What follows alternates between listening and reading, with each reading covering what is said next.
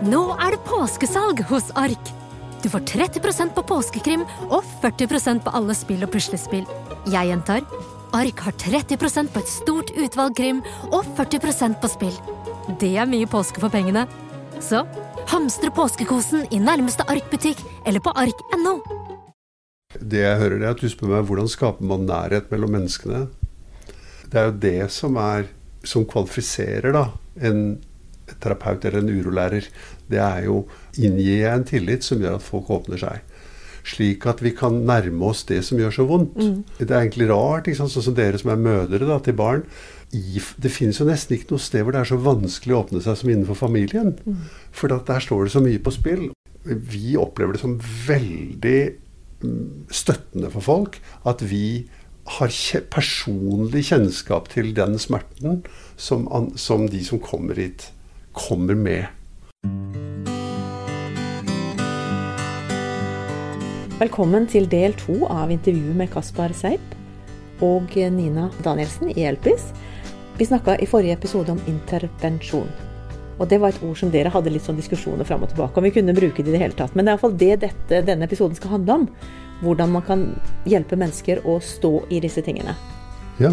Altså I forhold til skam og sånn, det er jo et gjentagende tema. Mm. Til og med har jeg hatt en hel egen TV-serie på, for dette er, ungdommene har dette så veldig De fikk lov å sette navn på denne serien sjøl. Ja. Da var det skam de ønska å snakke med, fordi ja. det var veldig uttalt hos de. Ja. Og innenfor selvmordsproblematikk så er vel det ganske ja, vanlig? Ja, det er ganske vanlig at skam er assosiert både med selvmordstanken i seg selv, men også ofte med de bakenforliggende årsakene. Og det har vi vært inne på før. Det kan jo være ting som at man har gjeld, at man har et samlivsbrudd, at man, at man sliter med et rusmisbruk. Alle de tingene der kan jo være veldig skambelagt, ikke mm. Og, og derfor så kan det være Skam kan være en av de årsakene til at folk sliter med å åpne seg mm. om selvmordstankene. Fordi mm. de er redde for å bli avslørt. Og jeg forstår veldig godt Kaspers poeng om at um, skam er nyttig. Hvor skulle vi vært hvis vi ikke hadde skammen sånn at vi oppførte oss? ikke sant? Men fra et selvmordsforebyggende perspektiv så er det en stor barriere i, den, i enkeltindividets opplevelse av cellet. Da, at, at, vi får det så vanskelig med oss selv at vi, vi, skammer oss sånn at vi ikke kan dele. Og vi vet jo også det at å få delt tankene sine med noen kan være veldig Det kan bygge mye trygghet da, for at man får åpnet seg litt og fortalt om vanskene sine, hvis man klarer det.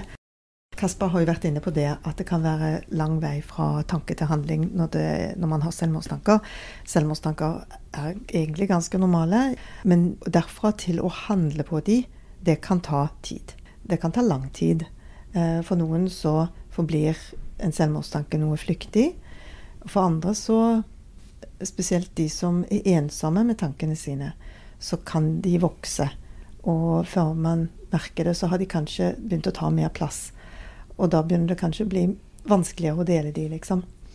Uh, og i noen tilfeller når det er uh, umiddelbar fare for liv og helse, da skal man jo ikke bruke urometoden. Da må man jo ringe til nødetaten og, og få hjelp, ikke sant. Det, og jeg vil bare understreke det at når vi snakker om urometoden, så er det fordi vi som mennesker kan gjøre mye for å hjelpe oss selv og for å hjelpe andre som sliter med vanskelige situasjoner i livet. Men altså, i noen tilfeller så, så, må man absolutt ringe nødetaten hvis det er kritisk fare for liv. da. Eh, og, og, så tror jeg heller ikke vi skal diskutere situasjoner hvor det f.eks. er en akutt psykiatrisk krise. F.eks. der noen uh, opplever uh, psykose eller mani eller noe sånt, så må profesjonell hjelp til. Det vi snakker om, er den smerten og uroen og vansken med livet som veldig mange opplever i varierende grad i løpet av livet. Hva kan vi gjøre for å lære å mestre den bedre? Mm. Og hva kan vi gjøre som medmennesker for å hjelpe de vi er glad i, til å stå i de vanskelige periodene bedre? Vi har, vi har jo ganske personlig forhold til dette, her, både Nina og meg. Ja. Altså Thomas uh, skrev jo et brev til meg. Mm. Og der uh, forteller han jo også om denne denne uroen, og den, hvordan han egentlig så på seg sjøl, som var så motsatt av alt det alle andre så. Og i tillegg også at jeg prøvde til og med å snakke med noen, men jeg klarte ikke å snakke om det. Så hvis du aldri har på en måte vist den sida av deg sjøl, hvordan kan man oppfordre folk da, til å, som du sier, nesten liksom omfavne dette med skamfølelse og tørre å kanskje sette ord på det. For hvis alt er bare her inne, da blir det jo en identitet. Altså jeg, jeg, hvis jeg slipper dette ut, så mister jeg alle rundt meg. For det er ingen som klarer å leve med en person som er så grusom som meg. Det jeg hører, er at du spør meg hvordan skaper man nærhet mellom menneskene. Det er jo det som er som kvalifiserer da, en terapeut eller en urolærer. Det er jo inngir jeg en tillit som gjør at folk åpner seg. Slik at vi kan nærme oss det som gjør så vondt. Mm. Det er egentlig rart, sånn som dere som er mødre da, til barn i, det finnes jo nesten ikke noe sted hvor det er så vanskelig å åpne seg som innenfor familien. Mm. For der står det så mye på spill. der har du mest å miste. Ja, der har du mest å miste. Og der er de følelsene som jeg snakket om i stad, så sterke. Nemlig hvis jeg selv opplever at jeg ikke er sånn som jeg burde være, så kan jeg jo miste kjærligheten til mor og far eller til søsknene mine. ikke sant? Mm. Og det er jo den, akkurat den følelsen man har når man har selvmordstanker, nemlig 'jeg er ikke sånn som jeg burde være'. Mm. Det er det vi tror på. For meg så er jo øh, av naturlige årsaker fordi jeg ikke er akademisk utdannet psykolog eller noe sånt, så øh, er det øh, det, hva er det egentlig som gir autoritet, sånn at folk kommer og sier jeg vil, jeg vil ta sjansen på å åpne meg for deg, selv om ikke jeg har gjort det for noen andre. Og det er jo mange forskjellige ting, men en av de tingene som vi mener er veldig viktig, det er at vi forteller om vår erfaring. At ikke folk tror at vi er mennesker som er uten problemer eller ikke har opplevd det samme. Vi opplever det som veldig mm, støttende for folk at vi har personlig kjennskap til den smerten som, som de som kommer hit, kommer med. Sånn type likeperson, rett og slett? Ja, eller det som ja. de har snakka om, erfaringskonsulenter, eller Og det handler egentlig om det handler om å ikke ha en akademisk tilnærming, men ha en personlig eller erfart tilnærming. Uroskolen driver med erfaringslæring, og de som skal være lærere på uroskolen, de må tåle å stå i det som er vondt. Og når de tåler å stå i det som er vondt, så kan de lære det videre. Hvis de bare later som det, eller har lært om å stå i det som gjør vondt, så det holder ikke. Mm. Du må faktisk kunne det. Og, da, og, det er det som gir den autoriteten at andre mennesker tør å åpne seg, sånn som jeg ser det. Det er, det er noe av det som dere har. Dere to som er mødre og som har erfart denne dype smerten, og som gjør at dere sier dette er så viktig, og dette vet vi noen ting om fra en veldig personlig erfaring. Men det er jo ikke alle som kan bli terapeuter fordi om de har opplevd eh, vonde ting. Hva er det som gjør en altså til, til å bli en du, du kalte deg ikke terapeut? Nei. Du kalte deg en med... Nei. Urolærer. Urolærer var det, ja. ok. Men liksom eh, Hvem er det som blir gode urolærere, da? For dette, det, er, det, er de som, det er de som har våget å gå gjennom skam, skyld, frykt, ensomhet. Alle de tingene i livet sitt. Og se på det selv og si at det er dypt menneskelige ting. Dypt menneskelige erfaringer som alle mennesker har. Og når du har de erfaringene, tør å, da tør du også stå sammen med andre mennesker som har det. I tillegg til det så handler jo, det er sikkert mange mange aspekter som ikke jeg kan si sånn i farten, men som handler om ja, hvordan snakker man sammen på en god måte da. Mm. Men den handler jo om sånne ting som øyekontakt, og den handler om sånne ting som det er noen som sier at jeg har en bra stemme for denne jobben. ikke sant? Sånne ting. Det er ikke godt å vite hva. Nei. Men jeg ser jo at til og med i den lange perioden jeg nå har jobba på nett, så sier folk at uh, ja, men selv om det er via en skjerm, så får jeg noe ut av dette. Og jeg opplever det sånn selv at jeg får noe ut av det. Mm. Så du byr ganske mye på deg sjøl. Jeg husker til når jeg gikk psykiatrien så var det veldig mange da som hadde masse utdannelse, jobba mange år i psykiatrien, skulle bare ha det papiret. Og de blei veldig provosert når vi skulle by på oss sjøl. Mm. Det var liksom ikke det de var her for. De skulle ha dette papiret sånn at de fikk en, eh, en utdannelse. Og jeg tenkte jeg kunne aldri ha gått til deg hvis jeg mm. hadde det vanskelig. Mm. For du er der oppe, og jeg er der nede. Mm. Så det er jo veldig god lærdom i det å ha gått gjennom en møkkakjeller, altså.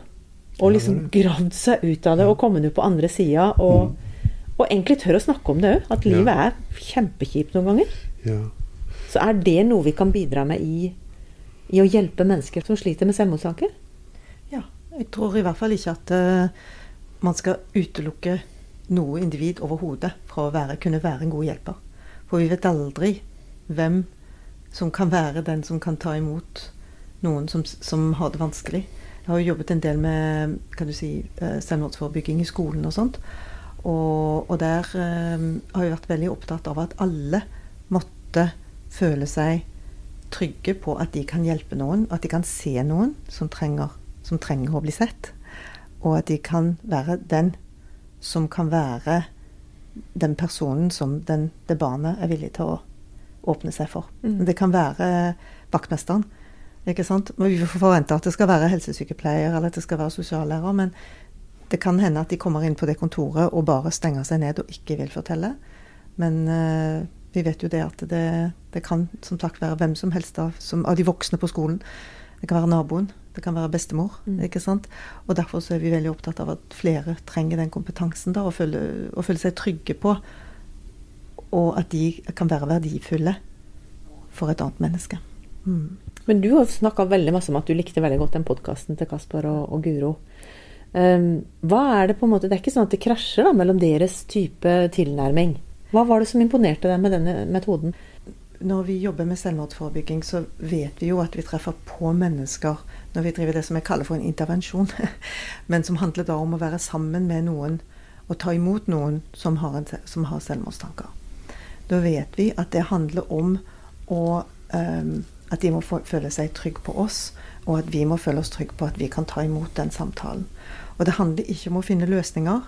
Det handler ikke om å i noen tilfeller eh, Det er jo ofte sånn at man skal koble på mer hjelp, da, avhengig av hvor, hvor man er selv. Men at den viktigste delen av den jobben handler om å bygge et fellesskap mellom to mennesker. Eh, relasjonsbygging, rett og slett. Mm. Og at den personen som opplever selvmordstanker, får lov til å være seg selv og får lov til å ha disse tankene uten at vi får panikk. Får lov til å uttrykke smerten, vanskene, ikke sant. Og så tenker jeg på det med uro som det som ligger under i det mennesket, som vi da må på en måte anerkjenne òg. Og som enkeltindividet må anerkjenne. Så det som liksom urometoden som jeg har lært gjennom den podkasten, det er det at når du tar vekk all atferden og alle, alle de tingene vi sier, alle de tingene vi gjør som mennesker, alle de tingene som skjer med oss, så er det den uroen som ligger underst, som vi på en måte må venne oss til at sånn er det å være menneske. Det blir et veldig sånn Jeg må ikke nødvendigvis gå tilbake i historien min og avdekke misbruk som skjedde for 30 år siden. Det er ikke nødvendigvis nyttig. Når det Jeg folk kan- tenker på med psykolog, Ja. altså Skal du til en psykolog, så skal du ta løk på løk, og så Ja. skal du finne ut av Og så kan du sitte der i ti år. Ja. ikke sant? Og det kan være kjempevanskelig. Og noen får veldig god nytte av det. Jeg sier ikke det. Men jeg tror at akkurat i en intervensjon med et menneske som trenger å bli sett, så har man ikke nødvendigvis tid, enten som hjelper eller som selvmordsnær, til å gjøre alt det arbeidet. Man har ikke tid til å se på ti år med. Man kan snakke om det, men det tar så lang tid. Og da kan det å, å bare anerkjenne at jeg har den jorden, det er vondt å være menneske, sånn er det å være meg. Og det er en del av det å leve. Og hvis jeg kan klare å romme dette nå, så kan det hende at jeg får kontakt med nye ressurser. Det kan hende at jeg finner en liten form for fred. Og så kan det hende at hvis jeg venter litt, så kan jeg finne et håp om at i morgen så er det kanskje litt bedre. Mm. At jeg gir meg sjøl tid til å være i uroen min, sånn at jeg både jeg som, hvis jeg er selvmordsnær, og den hjelperen kan få liksom Ikke blir så redd for uroen, da. Ja. Redd for uroen, ja. Ja. Mm. Jeg vil veldig fort komme med noen løsninger, jeg. Altså Det har Nina tatt meg på. Anne, nå tenker du sånn løsning, for jeg er jo gründer, ikke sant. Så hvis noen sier 'nå har jeg det sånn og sånn', så kommer jeg 'da må du'. Mm. Så jeg vet jeg, jeg er ikke noe urolærer ennå. Mm. Og det er også fordi det er så ferskt hos meg. Men, men hva er det du Altså er, er det sånn hos deg også? At du tenker at eh, at du må først inngi en type tillitsforhold og en forståelse for hvor det mennesket er, og prøve å få de til å Mm. Åssen møter du de? Kategoriserer jeg litt nå? Ja. Alle de med selvmordstanker, liksom. Men jeg tenker sånn De er like De er jo eh, Altså, jeg møter alltid folk gjennom å veilede folk inn mot det som gjør vondt, og ikke mot tankene deres om det som gjør vondt. Vi går fra tankene til kroppen. Ja. Og så er det det med, som Nina sier om ressursene, da. Og jeg, du nevnte jo håp. Eh, og så, sånn som jeg ser det, så er håp en ressurs. Og det er kanskje det siste ressursen som egentlig forlater oss. Men min erfaring er at når man våger å være sammen med det som gjør vondt, så vil man få kontakt med håpet. Fordi at eh, det, det er veldig enkelt. Det ville vært enkelt for meg sammen med dere å guide dere fra uro til en, en mer kontakt med, med ressursene. Det er noe man klarer fint på en time. At folk får en helt konkret erfaring. At jøss, det hjalp jo. Det hjalp å være sammen med uroen. Jeg har det ikke sånn som jeg hadde det for to minutter siden. Så du tar dem med på en tur, du? Akkurat som du tok dem med på en tur på fjellet, så Ja. tar du med folk på en, Ja, en tur? ja. Og det er en veldig enkel tur, for det er bare en tur innover. Det er bare en tur i sansingen av kroppen. Istedenfor i kommenteringen av livet, som foregår oppi hodet vårt. Tenkningen rundt livet. For den uroen, det er, er det fravær av håp i den uroen? Ja, den stenger for håpet. Den stenger for intelligensen. Den stenger for humoren. ikke sant? Deg Hvis man er, tenker veldig mye på selvmord, så har man i hvert fall ikke humor. Eller musikalitet. Eller, eller vitalitet i kroppen. Det er vel veldig mange som sier de er slitne. Veldig sliten. Ja. Så det må jo være forferdelig slitsomt, Ja. den uroen. Det er ikke uroen som er slitsom, det er motstand mot uroen som er slitsom. Det er motstand mot alt i livet som er slitsomt. Uroen i seg selv er ikke slitsom. Den er bare en, Den er livsenergien din. Altså, en forklaring som jeg noen bruker, som jeg liker ganske godt selv når det gjelder uro, det er at når vi blir født, så er det en ganske smertefull prosess. Og når vi blir gjort om til sosiale mennesker, så er det en ganske smertefull prosess. Altså den prosessen, sosialiseringsprosessen vi går gjennom, fødselsprosessen og sosialiseringsprosessen, blir linket sammen med livsenergien vår. Det er jo sånn at Hver gang vi lar livsenergien vår flyte, så får vi korrektiver fra samfunnet eller familien. ikke sant? Vi blir korrigert fordi at det er for mye, f.eks. Og slik så dannes det seg en ubrytelig bro mellom livsenergien og smerte. Derfor så vil vi komme i kontakt med smerte når livsenergien vår slipper løs. Og den, når jeg da klarer å romme den smerten, så vil jeg få kontakt med livsenergien min. Og den er alle mulige slags ting. Det er på en måte den kilden som alt kommer fra. da. Vi kunne kalle det for kilden. ikke sant? Kilden Eller gulroten. Ja, eller gulroten. ja. Var det du sa i stad. Ja. Gulroten, det, det, det var det Guro kalte det for dette. Det er liksom belønningen. Ikke sant? Det er den belønningen vi kan få. da. Det, å få et rikt liv. Et tilfredsstillende liv. Istedenfor et smalt og trangt liv. Jeg har en klient som kalte det for å leve i, han følelsen av å leve i en korridor. Og det er jo et trangt liv. ikke sant? En trang korridor, da. Istedenfor at det er åpent. Og at alt Men det å få øye på det altså hvordan, hvordan får man øye på noe annet? Man får øye på det med en gang man går gjennom uroen. Så vil man få, det er derfor jeg sier det er enkelt. Når man går inn i uroen, når man tør å gå inn i uroen og føle uroen, og det er det man trenger noen å holde i hånden. Man trenger en veileder eller en lærer. Og den må jo være en person man har tillit til, ellers så åpner man ikke der. Og hva som skaper den tilliten, det kan man jo i høy grad diskutere. For noen vil det være en akademisk utdannelse. For andre vil det være stemmen. For den tredje vil det være blikket. For det fjerde vil det være forståelsen. Det er ikke godt å vite. Men du må Ja, ha en form for trygghet, må du ikke det? For å tørre å, å, å gå på som- den turen? Som lærer? Ja, som, nei, nå tenkte jeg på den andre rollen. Altså ja, men, det, men det er jo eleven. Det er jo læreren eller veilederen eller terapeutens oppgave å skape den tryggheten. Og for eksempel er det derfor dette kontoret er ganske lite og innredet sånn som det er. Mm. Fordi at det skal ska bidra til en følelse av trygghet. da. Hvis du tenkte at vi satt ute på gaten her ute i Frognerveien, Mm. det ville ikke være så lett å åpne for den sårbarheten.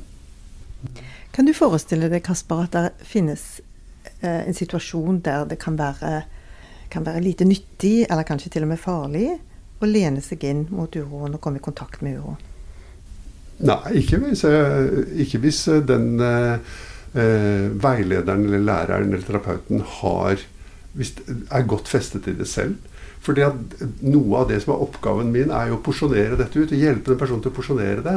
Men tenk deg, Hvis du åpner den døren på vid gap første gangen, så kan det være helt overveldende. Så du må åpne pent og forsiktig, da. Ja.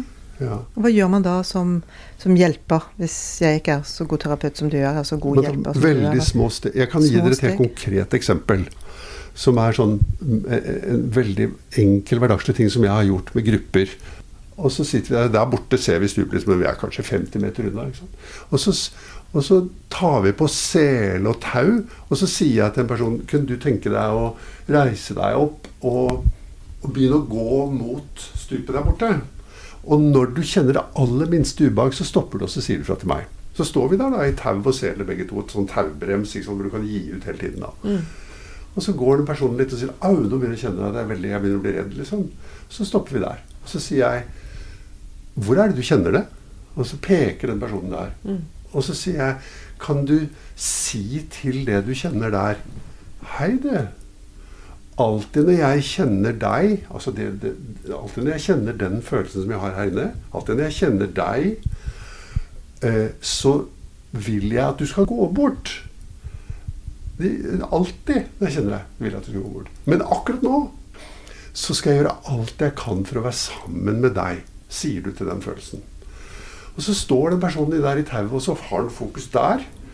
Og så kjenner han på det, og så sier jeg Kan du slippe pusten din frem mot det? Kan du være sammen med det? Og så går det altså 20 sekunder, og så sier den personen det blir borte. Og så sier jeg når du er klar, så kan vi gå litt til da, hvis det er borte igjen. Og så gjør vi det samme på nytt. Og så sier bare Au, nå er det der igjen. Vi har kommet litt nærmere, kanskje to meter eller noe sånt. Så gjentar vi det samme. Og så gjentar vi det samme, og så gjentar vi det samme. og så gjentar vi Det samme. Det er aldri sånn at jeg sier den personen Det er dette som er forskjellen på veldig mye av det som gjøres av eksponeringsterapi. Den angsten folk kjenner, har ingenting med stupet å gjøre. Den sitter inni kroppen vår og er assosiert med et stup eller en høyde. Det er ikke stupet vi er redd for. Det er den følelsen der inne vi er redd for.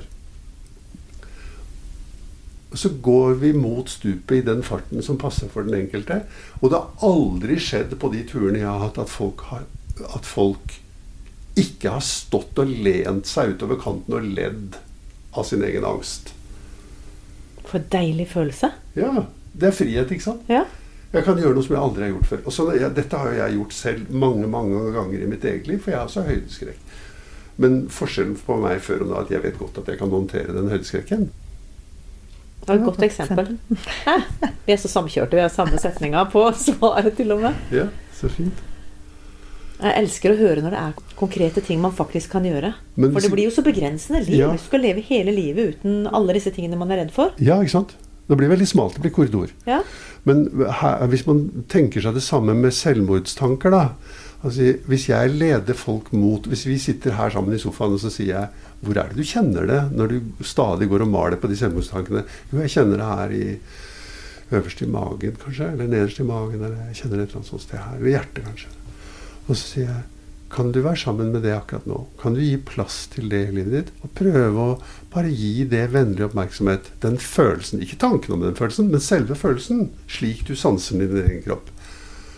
Og så lærer jeg folk å gjøre det. Og, så, og det skjer jo ikke at folk sier at Nei, det funker ikke. Folk sier alltid det funker jo det. det tar litt, noen ganger tar det to minutter, og noen ganger tar det ti minutter, og noen ganger tar det fire sekunder. Så sier folk 'jøss, det ble borte', eller det ble akkurat sånn Følelsen blir mindre kantet og skarp, og mer til å holde Håndtere. ut. Håndtere. Mm. Spennende. Veldig, veldig spennende. Du skulle akkurat til å spørre om det med selvmordstanker når du bruker dette på selvmordstanker. Kan du, kan du forestille deg at et menneske kan trenge Altså at dette kan være en prosess som kan være vanskelig å gjøre alene?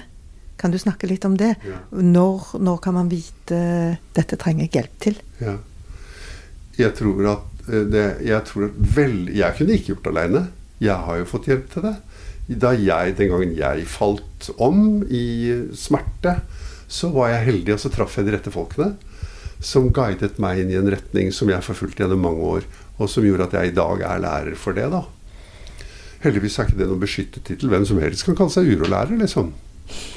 Apropos det, så snakket vi i stad om det der med Det var i hvert fall noe som fikk meg til å tenke på et veldig bærende prinsipp for uroskolen, er at alle som kommer til uroskolen, er både lærer og elev. Dvs. Si at lærerne lærer av eleven, og eleven lærer av læreren. Vi lærer av hverandre. Det er, og Slik har det vært i min praksis gjennom alle år også. Jeg, grunnen til at jeg sitter her og kan så mye og kan snakke så mye om det, liksom, og har, så mye erfaring rundt det, er jo alt jeg har fått av de folkene som har oppsøkt meg. Det er takket være dem at jeg kan nå snakke på en podkast på en måte som folk forstår om dette. Så, du har ikke fasiten? Altså, jeg har eh, en erfaring som jeg har erfart selv virker, og som mange mennesker har sagt ja, men dette funker jo. Og så finnes det sikkert andre eh, tilnærminger som er like bra, men som jeg ikke kan. Men du jeg har jo veldig sånn der vennlig og Altså, du, du byr jo på deg sjøl 100% kan jeg jo høre. Du, til og med når du sier vennlig, så kan jeg høre at du er vennlig, liksom. Så det å vennlig henvende til seg sjøl altså det, det er en veldig sånn snill måte å Og det, det er jo mange som Eller jeg kan kjenne meg jo sjøl igjen i det. At man, man er ganske stygg med seg sjøl. Mm, I måten man henvender seg til seg sjøl på. mm. Og også kjemper imot uroen, eller hva det er for noe. Også det å, det å på en måte bli venn med disse tingene som man tenker er fienden. Ja. Um, det er fordi at sinnet vårt Du vet at det er ingen barn som reiser seg opp, for det, reiser seg opp fra krabbene til stående fordi at foreldrene sier at barnet må. Barnet bare gjør det, for det er, en, det er en drive inni oss. Men fordi at menneskesinnet er en slik skal vi kalle det konstruksjon som det er, så overtar ganske fort dette som vi lærer språket, så overtar presset fra den naturlige driven. Du ser at Skolen og samfunnet forsøker å fortelle oss hvordan vi må være og hva vi må gjøre for å klare oss. Slik er det å være menneske. Men sannsynligvis ville alle være veldig tjent hvis man var litt mer tilbakeholden med det og, lo, og hadde litt mer tillit til folks ressurser. Så når folk får tak i ressursene sine, så løser vi både klimaproblemer og andre ting. Alt som har med bærekraft å gjøre. Uh, Istedenfor at vi går rundt og forteller andre hva de må gjøre. For det er slik vi opptrer i dag, i skolen og i politikken. Vi forteller andre hva, hva vi burde gjøre. Men kan ikke den uh, uroskolen inn i skolen og bidra med noen ting? Jo, gjerne. Ja, Åssen skulle det sett Vi er altså inne i skolen av og til. Vi, Da. vi er jo veldig opptatt av det, Nina. At dette med å bli i stand til å takle og stå i vanskelige ting Mm. hvordan, Jeg har jo mer tenkt at da må vi få noen løsninger og verktøy og sånn, men nå snakker du litt om at du må inn og uh, istandsette folk til å gjøre det sjøl. Ja, jeg, jeg, hvis du tenkte at først, Ser du at dette er en, en kvalitet som små barn får av foreldrene sine? De aller fleste små barn, da ikke alle, men veldig veldig mange små barn får jo deler av dette av foreldrene sine. Fordi at foreldrene tar barnet opp og holder det inntil seg og sier Å ja, er du lei deg, vennen min? Kom, kom til meg. Eh, men som, når man kommer i skolen og blir 6, 7, 8, 9, 10 år, så skal barnet begynne å lære hvordan er det å være deg når virkeligheten er sånn som den er. Det som er tendensen i vårt samfunn, er jo at vi sier hvis vi bare tilrettelegger samfunnet godt nok, så skal det ikke gjøre vondt. Hvis vi får bort alle mobberne, f.eks., så skal det bli slutt på mobbinga. Ha-ha, sier jeg bare. Hvordan skal mobberne bli borte fra skolen når samfunnet vårt er fullt av mobbere? Bare se på kommentarsidene på nettet. Er jo ikke noe annet enn mobbing. Så mobbing er en del av det menneskelige. Og vi må lære både de som mobber, og de som er offer for mobbing. Hvordan skal jeg forholde meg til det på en annen måte enn å rendyrke overgriper- eller offerrollene, da, slik som skolen gjør i dag, syns jeg. Ja, Et veldig godt poeng, tror jeg. Og ofte så er mobberne selv mobbet. Og det er liksom, eh, jeg tror en del av det som vi er som mennesker, rett og slett. At det, det er så mange som har det som en utfordring. Og det å, å bare anerkjenne det og, møte det på en annen måte, er nok nyttigere enn det som vi har gjort hittil. Ja. Det betyr jo ikke å la det være i fred, men det betyr å si hvordan skal vi forholde oss til dette på en annen måte enn den normative, da, nemlig si det er stygt å mobbe. Hva er det som skjer egentlig? Det er en slags undersøkelse av ting, ikke sant? Jeg tror veldig på det. Det der med å undersøke virkeligheten. Og så er det gøy, da. Hva er det som foregår, liksom? Det er så rart å være menneske. Jeg havner i sånne tvangssituasjoner hele tida. Hvorfor gjør vi det? Så det å være litt nysgjerrig på ting, eller litt eh, Ja. altså ønske å utforske istedenfor å skulle Ja. finne Ja, sånne flotte svar, eller skulle ja. Løsninger, som du sa. Løsninger. Jeg tror vi avslutter denne episoden nå, som handla da om det ordet som er så vanskelig å si. Vær så god, Nina. Ja, det var intervensjon. Fant du et nytt ord på det nå? Ja, det var det å være sammen med de vanskelige følelsene. Være, være sammen med selvmordstanker, rett og slett. Jeg tenker jo litt at de er veldig heldige, de som får lov til å være sammen med dere to i forhold til dette. For det er noe som eh, ja, i hvert fall jeg vet jeg hadde Jeg setter veldig pris på deg, Nina, og jeg akkurat blitt kjent med deg, Kaspar. Men hvis det er noe jeg har hørt om som, er, som blir liksom litt sånn highlighta, det er at når folk forteller historien hvem eller hva var det som hjalp deg i en vanskelig situasjon, så kommer nesten nesten alle snakker om det var den ene personen som så meg, som gikk med meg. Mm. Om det var naboen, eller om det var en politimann, eller om det var eh, en lærer eller familie.